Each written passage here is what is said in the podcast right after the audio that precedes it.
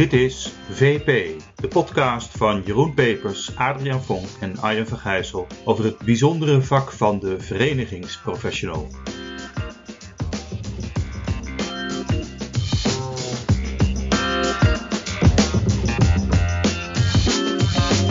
Goedendag luisteraars, welkom en fijn dat u weer luistert naar een uitzending met 5x5 waarbij we vijf minuten voor eh, vijf onderwerpen uh, met een gast. En die gast is vandaag Yvonne van Hout, de directeur van Mee Nederland, voormalig directeur van de NVVK, de Vereniging voor Schuldhulpverlening en Sociaal Bankieren en ook lid geweest van het DB van de CNV. Welkom Yvonne. Ja, dankjewel. Ja, leuk. Heel leuk om je te hebben. Ik ben heel benieuwd naar jouw vijf punten die je hebt.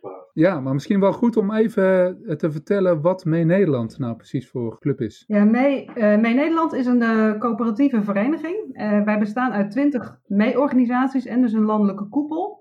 En wij zijn heel actief in het ondersteunen van mensen die een beperking hebben. in de meeste gevallen een niet zichtbare beperking, zoals wij dat noemen. Dus bijvoorbeeld een licht verstandelijke beperking of niet aangeboren hersenletsel of autisme. Ja, en dat zijn mensen die ehm, tijdelijk of voor de langere termijn niet de regie hebben over hun eigen leven, niet helemaal, en dus behoefte hebben aan zorg of ondersteuning. En wij helpen ze daarbij. En de coöperatieve vereniging, wat, wat is is, is dat een verschil met andere verenigingen? Ja, er zijn er denk ik een paar verschillen. Het eerste, want ik werkte hiervoor bij een brancheorganisatie. Uh, daarin mhm. hadden we uh, ja, heel, heel veel verschillende leden. Bij de NVVK waren dat zowel gemeenten bijvoorbeeld als uh, private organisaties, maar ook kredietbanken.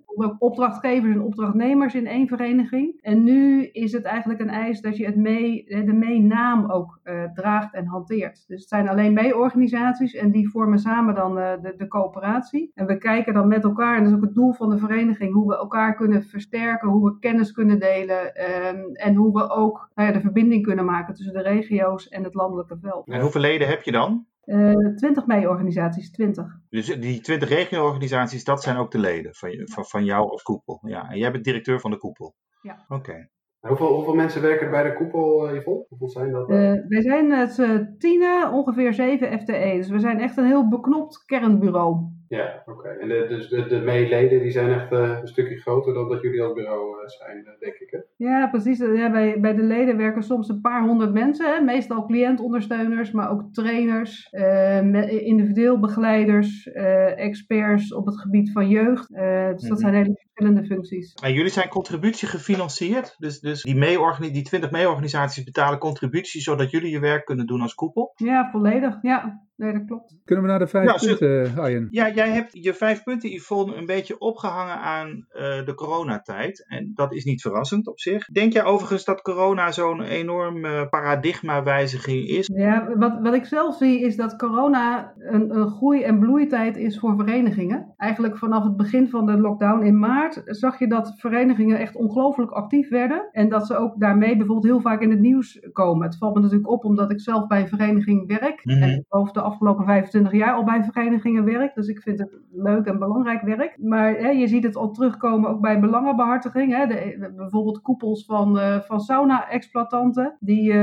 hè, die hebben natuurlijk meegedacht over wat opnieuw opstarten voor hen betekent. Wat ze kunnen doen. Maar dat zag je Allemaal eigenlijk. protocollen maken en, en, en eerder openstellen en dat soort uh, lobby. Ja, ja, dus het is zowel extern, maar ook heel erg intern. Omdat alle organisaties zijn ontzettend aan het zoeken en worstelen met hoe, ze, hoe hun dienstverlening gaat, hoe hun bekostiging gaat. Dus ook de bedrijfsmatige elementen. Dus het is heel mooi en belangrijk om dan kennis bij elkaar op te halen. En het is natuurlijk een tijd waarin innovaties heel snel naar azel ontstaan waar je bij zit. Maar ook als vereniging kun je ze stimuleren, maar je kunt ook uh, alle ontwikkelingen ophalen bij leden en dat ook weer versnellen. Dus ja. Welke innovatie ben je het meest blij mee nu binnen jouw eigen mee, uh, verband? Waarvan zeg je van nou daar ben ik echt heel blij mee? Uh, nou wat, wat voor ons denk ik het belangrijkste is, is dat we nu uh, zijn onze professionals, dus de mensen die dienstverlening bieden, die zijn natuurlijk noodgedwongen eerst digitaal gaan werken. Hm. op afstand, ook weer met beeldschermen. Maar je kunt je voorstellen dat dat voor mensen met een beperking echt niet altijd eenvoudig is. En niet bij iedereen kan dat. Niet iedereen heeft ook mogelijkheden of, of ja, kan dat ook zelf aan. En wat we nu onderzoeken is hoe we wel het goede van het digitaal werken uh, kunnen combineren met wel weer terug naar het fysieke contact. En de echte, uh, ja, de dienstverlening zoals we die ook kenden. En daar doen we nu onderzoek naar. Uh, dat is natuurlijk nog niet afgerond. Dus daar kan je wel een aantal dingen alvast van signaleren. Maar we willen dat ook echt doen op basis van inhoud. Groei en bloeitijd, hè, zeg jij. Groei en bloeitijd door corona. Nou, nou is jou, eigenlijk jouw eerste punt dat je zegt je moet de zichtbaarheid vergroten. Ik kan me voorstellen dat in jouw sector dat je juist door die coronatijd met ondersteuning van, uh, van kwetsbare mensen, dat, dat, dat ondersteunen van die mensen juist van enorme waarde is. Ja, ja absoluut. Nou, zicht, zichtbaarheid voor, voor wie dan? Wie, wie, moet, wie moet het meer, meer zien? Dus, dus, want je wil de zichtbaarheid vergroten, maar dan, dan richt je op bepaalde doelgroepen. En, en wie, voor wie moet je zichtbaarder worden? Uh, nou, dat, dat, dat, is een goede vraag. Kijk, wat, wij vinden het werk belangrijk wat we doen, omdat het, zoals jullie al zeggen, is het voor mensen, zeg maar in coronatijd, op het moment dat alles wegvalt, je hele netwerk, je dagbesteding in alle vormen van zorg, en je hebt een beperking en het lukt je tot nu toe nog om thuis te wonen, dan, hè, dan is cliëntondersteuning echt van belang. Dus dat wil je zichtbaar maken. Dat is vooral voor de doelgroep, om te laten zien wat er met hen gebeurt. Hè, mensen, wij zijn er voor jullie. Nou, juist nu staan we voor jullie klaar. Dat, dus richting de, de, de cliënten zelf, zeg maar. Zeker, dat is de ene kant. Aan de andere kant wil je ook iedereen die daar een rol in, in heeft, zoals gemeenten, hè, dus mensen in wijkteams, uh, maatschappelijk werkers, dat die weten dat het werk er is en dat wij dat doen en dat wij nog steeds dat blijven doen in coronatijd. En je wilt ook laten zien hoe je dat doet, hè, zodat je rekening houdt met alle maatregelen, zodat je rekening houdt met de doelgroep. Dus je wilt uh, eigenlijk vertellen hoe belangrijk dat is. En hoe kan je daar dan aan werken als verenigingsprofessional? Als je zegt zichtbaarheid vergroten, dan, en je, zei 7 FTE, 10 mensen. Wat, wat betekent het voor hun dan? Dat als je zegt van nou jongens, we moeten de zichtbaarheid vergroten. Hoe, hoe ziet dat er praktisch uit? Uh, nou wat we in ieder geval op ons, met ons team hebben gezegd is van nou we starten een, een, permanente campagne vanaf nu om inderdaad die zichtbaarheid te vergroten. En we hebben toen vanaf het begin af aan steeds goede voorbeelden gevraagd en opgehaald bij onze leden. Dus dat we vragen van nou laat nou zien wat je doet. Hè? Dus, en ga daarover in gesprek met mensen. Vraag ook of we die mensen mogen interviewen. Want ook door het mensen met een beperking zelf te laten vertellen, wordt het weer veel duidelijker wat hen bezighoudt, wat hen raakt en wat ze nodig hebben. Mm en die voorbeelden hebben we ook centraal gezet in onze communicatie. Dus ook in, hè, daar hebben we blogs van gemaakt, uh, berichten. Ja, ja. En wat je ziet, hè, is op het moment dat je dat doet, dan roept dat ook weer andere dingen op. Dus wij zijn zo in contact gekomen bijvoorbeeld met de Universiteit van Amsterdam. Die wilde onderzoek doen naar wat corona en, en sociale isolatie betekent. Nou ja, en die zijn, we zijn toen samenwerkingspartner geworden. En dat was midden in coronatijd. We waren nog geen vier weken in lockdown. En het is hen ook gelukt om heel veel partijen, ook andere koepels, bij, rond de tafel te krijgen. Zodat we allemaal een aparte doelgroep gingen onderzoeken. Ja, Goed, mooi, mooi. mooi. Hey, en heb jij nou het idee dat die isolatie toegenomen is? Maak je je daar zorgen om? Of zeg je van nou, het is misschien juist wel door ons uh, begeleid en het valt wel mee? Nou, ik, ik, ik zou zelf juist een lans willen breken voor um, zeg maar niet te snel conclusies trekken over wat er nu gebeurd is. En ook niet onszelf op de borst kloppen. Um, want dat is juist bij mensen, ik zei al net, hè, wij, wij doen veel voor mensen met een niet zichtbare beperking die ook nog thuis wonen. Dus het is een groep die heel snel niet zichtbaar is in de cijfers. En ik heb er nog steeds wel zorgen over, maar ik zou dat veel meer echt met onderzoek onderbouwd willen zien om te weten hoe het daar nu mee is. En of het hen toch gelukt is om uh, wel zorg te, te vinden. Kijk, wij weten wel uit ervaring, maar dat is meer een soort gedragswetenschap, dat mensen het ook heel moeilijk vinden om hun hand op te steken en te vertellen dat ze hulp nodig hebben. Er zijn heel veel bureninitiatieven en zorg en kinderen die allerlei dingen wilden doen, maar we weten dat het toch heel moeilijk is vaak voor mensen ook om hulp te vragen. Ja. Verwacht jij dan ook, uh, Yvonne, dat er nog, want ik had, ik had vorige week een gesprek met Sociaal Werk Nederland, die toch wel zei van, wij verwachten nog wel, zeg maar, een soort opkomende problematiek, hè, van dat het nu toch voor een groot deel nog onder de oppervlakte is, en, en dat dat zo meteen komt, hè, dus, dus sociale problemen. Hè, van, zie je, heb, maak jij ook die zorgen? Of? Ja, ik herken dat heel erg. Dat we, hè, wij, ook wij hebben die zorg. Ook omdat je echt niet weet wat het doet bij mensen. Als ze uh, een aantal weken helemaal geïsoleerd zijn en geen zorg krijgen, totaal geen dag, hè, dagritme bijvoorbeeld. Voor heel veel mensen met een beperking is dat heel erg van belang. Super belangrijk, ja, precies. Ja, hè, en dus alleen maar de bepaalde momenten in de week, ja, dat is allemaal doorbroken. Het niet contact hebben met mensen, het volstrekt geen regie meer hebben over dat wat je nog wel kan. Dus mm -hmm. ja, dat is echt, echt iets om nog uh, echt vinger aan de pols te houden. En zeker, dat, is, dat speelt natuurlijk ook in onze sector, in de zorgsector. Gemeenten geven nu al aan dat uh, hè, hun kosten, hun uitgaven zo ontzettend gestegen zijn. Ja, wij, uh, een groot deel van wat wij doen, dat valt binnen de WMO. Ja, is er dan, hè, juist als er wel straks meer zorg nodig is, dan vinden wij dat gemeenten dat geld ook beschikbaar moeten hebben om die zorg wel te kunnen bieden. Ja. Hey, mag ik doorgaan naar het tweede punt? Jouw, jouw tweede punt was dat je zei, juist nu, in coronatijd weer, is het belangrijk het contact met en tussen leden te versterken. En leden, waar heb je het dan over? Over, over de professionals of over de cliënt? Uh, nee, bij, bij ons zijn leden zijn het natuurlijk de organisaties en dus de, de professionals. Uh, ja, ja. Ook zag je dit effect natuurlijk ook, eh, ook zeker tussen cliënten. Hè? Um, dat was ook heel iets moois wat je hebt gezien. Dus dat cliënten bijvoorbeeld onderling elkaar gingen stimuleren om bijvoorbeeld uh, wel te gaan wandelen, dus om op die manier te sporten. Nee, maar dit, te zoeken. Uh, dit punt is echt dat uh, wij als mee, dus een platform bieden. We hebben, wij werken met Microsoft Teams. Uh, daar waren we eerder mee gestart. maar het aantal platforms wat we nou daarna gestart zijn, dus sinds corona, is inderdaad ontzettend toegenomen. En je ziet ook weer andere vormen. Hè. We hadden bijvoorbeeld dagen, we hebben nu een dag in de, in de planning voor alle cliëntondersteuners, alle professionals. Nou, normaal gesproken zou dat nooit kunnen, omdat niet mensen allemaal tegelijkertijd van hun werkplek af kunnen. En dat zou ook te duur zijn hè, om dat zo'n landelijke dag te doen. Ja, en zie daar, het kan in één keer, want het is online.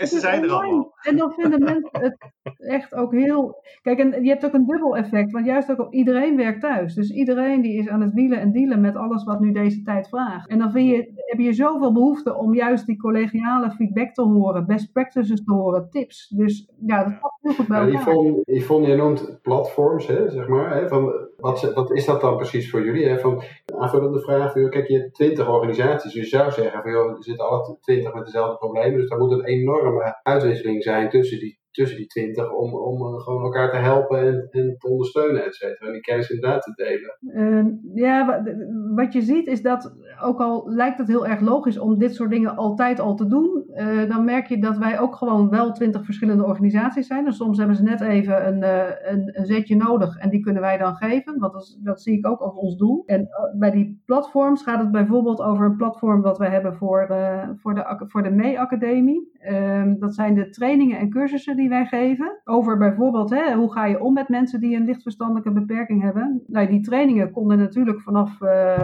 dag 1 van de lockdown niet meer doorgaan, niet meer fysiek. Ja, en toen is meteen doorgedacht over van hé, hey, wat betekent? Hoe kun je die trainingen wel blijven aanbieden, maar dan op afstand? Hè? Wat betekent dat voor je kwaliteit? Kun je nog steeds hetzelfde certificaat geven? Wat doen we met e-learnings? Hè? Dus kortom, het zoeken naar alternatieven en daarover kennis delen. Ja, dat is iets wat, wat je heel goed in een plat platform je, verder kan. Hebben jullie medewerkers, dus jou, jouw directe collega's, dan vooral zeg maar, de, de trainersrol voor zorgen die kennissessies en die trainingen? Of, of nee. zijn jullie vooral de coördinatoren van, van die kennisdeling? Ja, bij ons, uh, zeg maar, vanuit mee, uh, NL zijn dat de programmamanagers. En zij hebben dan weer contact met mensen die allemaal ook een soort coördinerende functie hebben binnen hun eigen mee-organisatie. Uh, en binnen die mee-organisatie werken weer de trainers. Dus met elkaar hè, maak je dan dat je nadenkt over hoe uh, het eruit ziet. Ja. Maar dat hele fenomeen, hè, Yvonne, dat, dat, dat professionals natuurlijk werken vanuit hun uh, thuissituatie vaak. En, en dat die dus nu uh, fantastisch participeren in online bijeenkomsten. Heb je niet afgevraagd van waarom hebben we dat in godsnaam niet eerder massaal uitgerold? ja, nou weet je, ik denk dat wij eigenlijk ook wel overschat hebben hoe groot het belang is van echt fysiek contact. Want we hebben echt, ik heb zelf ook nog heel lang gedacht dat het heel erg van belang is dat iedereen ook uit het land komt en dan een, uh, in een fysieke bijeenkomst. -hmm ik denk trouwens tegelijkertijd ook dat je ook niet, niet zonder kan. Ik ben nu nog er echt van overtuigd persoonlijk dat ik er niet, hè, dat, het, dat, het, ja, dat het ook goed is altijd om elkaar wel te zien. Maar de, de drager, eh, ja, die kan prima die digitale manier zijn. En dan kan, ja goed, ik denk dat het zo is dat je je wel kan afvragen waarom we dat niet veel eerder hebben gedaan als verenigingen. Ja, je kan volgens mij ook wel, wel dieper in organisaties komen. Hè? Wat, wat zie je bij veel verenigingen dat de neiging is om, om vooral met de directeur of de bestuurders ja. te praten. Die hebben daar dan... Uh, tijd voor als vertegenwoordiger van die organisatie. Maar je, je kunt dus wat je zei, van ja, die mensen die normaal een werkplek niet kunnen verlaten, kun je opeens wel bereiken. En eigenlijk ja, is de vereniging is, is dichter bij de werkvloer uh, gekomen. Oh, absoluut. Ja, want dat zien wij ook. Hè. Zeker met, met organisaties die een niet al te grote omvang hebben, is het natuurlijk ook fantastisch dat je collega's hebt, niet dan direct, maar wel in andere organisaties. Dus die je ook vertrouwt, die de problematiek kennen. Hè. Bij Lotgenoten, ja. Ja. PNO-professionals. Bijvoorbeeld vragen als van, hey, wat doe je, maak je een thuiswerkovereenkomst met je medewerkers? Hè? Hoe doe je dat? Wat, wat, wat stem je daarin af? Hè? Soms is het ook heel praktisch. Maar dat kan Mhm. heel erg helpen. Leuk hoor. Hey, jou- jouw derde punt is eh, innovaties versterken. Daar heb je net al iets over gezegd. Hè? Want je zei van, goh, we, nou, je, je kreeg het bijna in de schoot geworpen dat ook een universiteit eh, jullie opzocht. En je had het over combi's zoeken. Hè? Dus onderzoek en dan kijken wat je, hoe je weer best practices kan delen. Vertel, vertel eens wat meer. Wat, wat doen jullie aan het versterken van innovatie? Nou, wat, wij, wat wij vooral doen en ophalen is wat er voor moois al niet gebeurt bij mijn organisaties. En dat klinkt heel erg als een open deur, maar dat blijkt het toch ook niet te zijn. Dus er zijn vaak hele mooie initiatieven van iets wat ontstaan is bij een mee en waar een andere mee ontzettend veel inspiratie ook uit kan halen. Om een voorbeeld te noemen, bij een van onze mee-organisaties is een initiatief gestart waarin, ja, dat noemen wij ervaringsdeskundigen. Dus dat zijn mensen die zelf een beperking hebben, maar die helpen andere mensen. Bijvoorbeeld om in een aantal stappen te komen tot echt weer gaan sporten. Iemand die wil gaan sporten, maar die het lastig vindt om zelf met het openbaar vervoer te gaan, die krijgt als het ware een soort buddy dan mee die hen, eh, hem of haar even begeleidt. Mhm. Dat, die inzet, dat, eh, dat leidt tot iets wat echt heel erg van belang is, namelijk dat iemand zelf weer grip krijgt op, hé, hey, dit kan ik. En, hè, en daarmee ook het besef dat iemand ook veel meer zou kunnen. En we hebben dit ook ehm, gemeten. Hè, dus ook echt een effectmeting daarop toe, eh, toegepast. Want je ziet dat dat natuurlijk ook heel erg van belang is. Dat je ja, de meetbare kant kan laten zien van je werk en van je zorg. Ehm, nou ja, dat is dan zo'n mooi voorbeeld waarvan je dat, hè, wat je heel goed kan delen. Ehm, en waarin je ook zeg maar die werkzame elementen van wat maakt nou dat dit project zo goed werkt, dat je dat kan delen met elkaar. Dat meet, doen, doe je dat vaak met universiteiten of met adviesbureaus? Hoe, hoe werkt dat bij jullie? Ja, ehm, ik weet, bij dit voorbeeld weet ik niet exact hoe ze dat meetinstrument hebben, hebben ingericht. Ehm, ik merk wel dat we het op allerlei manieren ehm, ook wel zelf inrichten. En dat ook doen bijvoorbeeld door of een tevredenheidsmeting of bijvoorbeeld een cliënt laten vragen zeg maar, op wat voor terreinen hij gedurende een bepaald traject stappen heeft gemaakt. Eh, dus stappen op die, eh, wat we ook wel die zelfredzaamheidsladder eh, noemen. Ehm, en, en ook bijvoorbeeld, je kunt ook heel feitelijk meten van, is het iemand gelukt om bijvoorbeeld aan betaald werk te komen of aan dagbesteding als dat op dat moment het, het best haalbare is. Dat, dat best practices delen hè, en die, die innovaties delen, dat, er zit een soort, nou wat je ve- veel ziet is van nou het is gedeeld, maar vervolgens wordt niet toegepast. Dus, dus hoe zorg je nou als verenigingsprofessional dat, dat, dat van delen ook daadwerkelijk komt tot nieuwe, nieuwe werkwijzen? Hè? Dus de, wat, wat er vooral lastig in is, is van ja, hoe, hoe pak je nou precies die elementen eruit waar je echt wat geleerd hebt, hè, wat echt cruciaal is zeg maar, om het te laten slagen. Maar het hangt vaak ook op personen. Hè, want het is ergens bedacht door persoon X, maar bij, bij andere mee-organisatie werken hele andere personen. En persoon Y zegt van ja, maar ik doe het gewoon zo. Hè. Dus, dus hoe, Ja. hoe zorg je nou dat dat dan ook daadwerkelijk beklijft en, en tot iets leidt? Nou, su- super herkenbaar. Ehm, wat wij doen, we hebben eigenlijk twee verschillende modellen. Het eerste is dat je iets deelt en dat je als in ieder geval als MNL totaal loslaat wie dit oppakt. Omdat je ook weet dat situaties, gemeenten, mees, nou ja, dat, dat, dat die verschillend kunnen zijn. Ehm, bij één project waarin we eh, samen voor jongeren aan de slag zijn gegaan. Want we merkten dat jongeren beneden de 18 vaak in een sneltreinvaart tegen allerlei problemen aanlopen die elkaar ook nog versterken. Hè, zoals schulden en ehm, ehm, nou ja, andere dingen. Toen hebben wij project Toekomstcoach gestart. En wat wij nu doen is dat wij kijken en echt ook de vraag stellen van wie wil meedoen. Eh, we hebben daarvoor het beeld van de tandem genomen overigens. Maar dan niet een tandem met twee of drie eh, zitplekken, maar veel meer. Maar dat we wel een vraag stellen van goh, welke mee wil hier inderdaad participeren. En als je doet, ja, dan stelt dat ook wel eisen aan je betrokkenheid en je inzet. Maar het is wel vrijwillig. Ja, En dus daarmee hou je aan de voorkant mee. meer dat, meer dat commitment, zeg maar, van als mensen meedoen, dan gaan ze ook echt, ja, niet alleen iets, iets ontvangen, maar gaan ook echt aan de slag. Nou, absoluut. Want deze, deze tijd vraagt wel dat je door kunt gaan. Hè? En natuurlijk bij verenigingen, de, de kans is groot dat je hem in de, in de grote polder eh, gehaktmolen gooit. Ehm, en dan, ja. dan gebeurt er nu niet wat er nodig is. Dus dit is voor ons de manier. En dan heb je wel een zeker volume nodig. Hè? Die- we hebben daar geen cijfer bij. Hè? Zo van nou, de, de helft plus één. Maar je, je, je moet natuurlijk, als wij er iets mee doen met MNL, dan wil je ook dat veel leden daar eh, ook het voordeel van inzien. Ehm, maar het leuke is dan dat je echt met mensen aan tafel zitten die daar ook allemaal een eigen agenda en een eigen ambitie in hebben. En dat werkt het best. Ja, ik ga naar jouw vierde punt. Hè? Dat is een beetje in het verlengde waarschijnlijk. Eh, De samenwerking zoeken met bestaande en nieuwe stakeholders. En dan is mijn specifieke vraag: ehm, eh, zoeken zijn, zijn jullie nou speciaal als koepel degene die de, de, de stakeholders opzoeken? Dus buiten binnen halen? Of doen die twintig dat zelf eigenlijk ook al? Mm, nou, dat, dat laatste natuurlijk zeker. Ehm, daar zag je ook enorme eh, goede voorbeelden in die heel snel ook gebeurden. Bijvoorbeeld in de regio Den Haag is er één telefoonnummer voor alle uh, vormen van zorg en ondersteuning is, uh, is in het leven geroepen. Nou, dat had denk ik voor corona, weet je niet of dat zo gelukt was. Voor ons geldt natuurlijk dat wij dat dan wel doen op het landelijke niveau. Dus dat is de afspraak die wij hebben met de leden. Die doen dat niet weer landelijk, maar wij, wij maar wij weer wel. En voor een deel zoeken wij natuurlijk partijen zelf op en zij ons ook. Maar ik was inderdaad zelf wel verrast dat het ook. Ik heb best veel ook gesprekken gehad met nieuwe, met nieuwe contacten, met nieuwe organisaties die ik daarvoor helemaal nog niet kende. Uh, en hoe snel het mhm. dan toch gaat terwijl je elkaar nooit live uh, hebt gezien. Op basis van inhoud en een gemeenschappelijk probleem wat je ziet en waar je met z'n allen een oplossing voor wil, uh, wil hebben. Ja, ja. ja. En waar, waarom is dat nu een, een, een, nieuw punt, hè? een trend die je ziet? Is dat, is dat,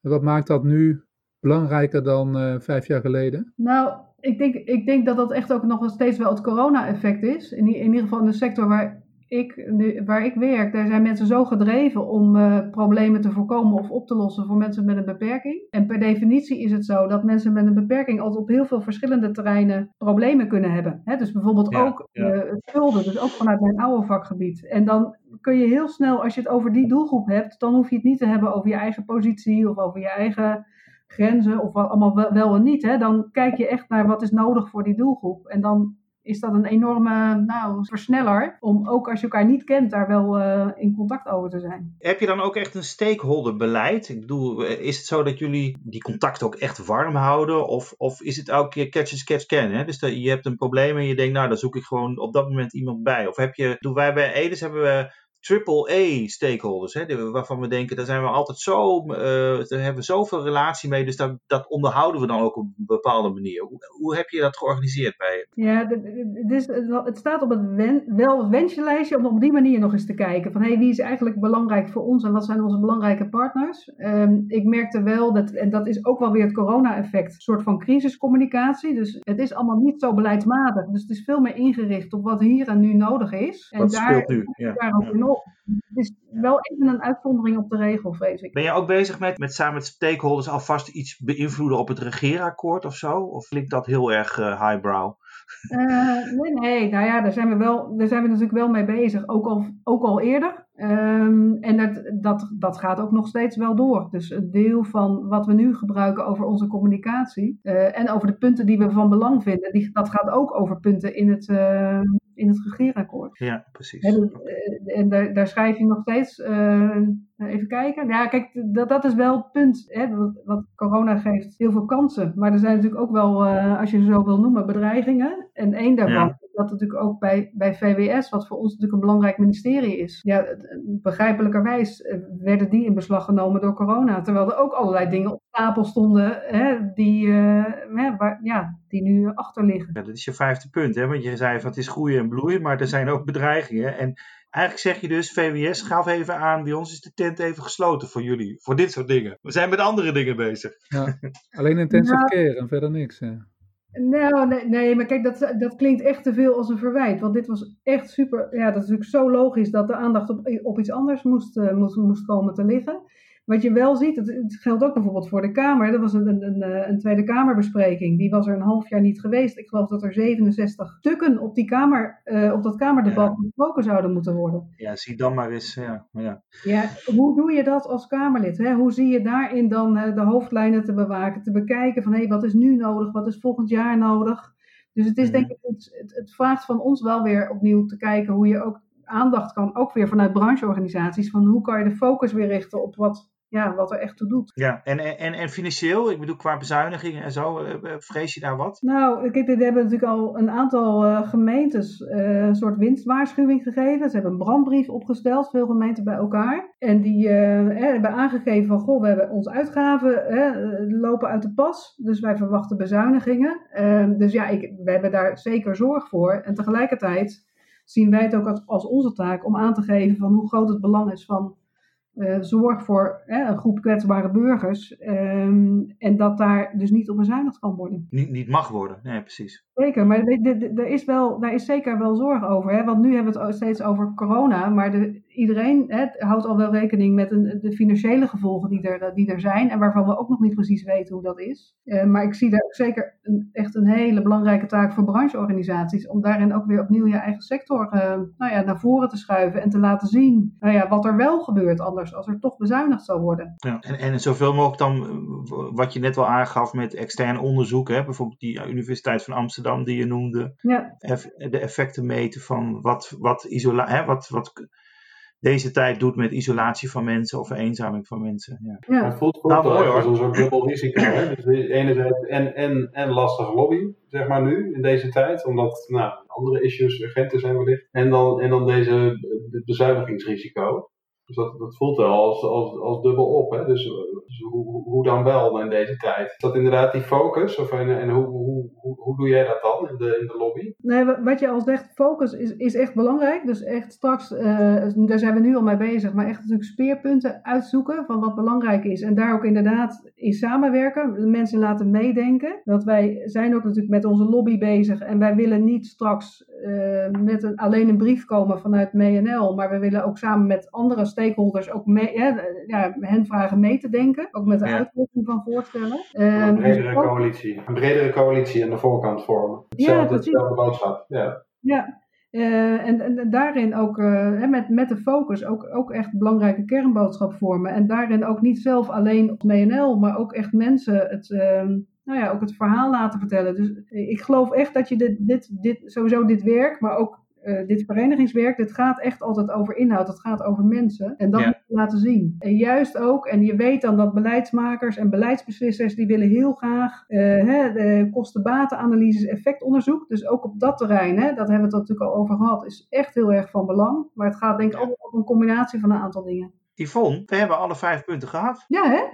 Uh, ook netjes binnen de tijd. Dus ik, uh, mooi. En ik vind het erg interessant wat je zegt. Want inderdaad, die, die, die, dubbele, dat, die dubbele knel die je op de sector mogelijk zit, wat Adriaan net verwoordde. Ja, daar, ik vind het wel interessant dat jullie daar uh, op, op een slimme manier het hoofd aan proberen te bieden. En, en wat, wat ik ook erg leuk vond, was van die groei en bloei van corona. Hè? Dus niet, niet, niet bij de pakken neerzitten, maar het, het, biedt juist ook heel veel, heel veel kansen. Vier van jouw vijf punten gaan over de kansen. Dus oh, dat is leuk. Ja. Ja, zijn er nog dingen waar je op terug wil komen? Ik was, uh, vandaag hadden we met het team weer de eerste fysieke dag. Dus het was super leuk om elkaar te zien. Maar ik, was ook weer in de, ik zat weer in de auto. Ik hoorde berichten op het NOS-journaal. Uh, en ik hoorde echt al een paar uh, brancheorganisaties in, in de nieuwsitem. bijvoorbeeld de, de Boink, dus de oudervereniging van de kinderopvang en uh, nog, ja. een, aantal. Ik dacht, wat, wat, wat is het toch een ontzettend mooi uh, vak wat we hebben met z'n allen. Uh, en daar ja. zou wel eens wat trots op mogen zijn. Dus ik vind het echt heel leuk dat jullie deze podcast maken. Want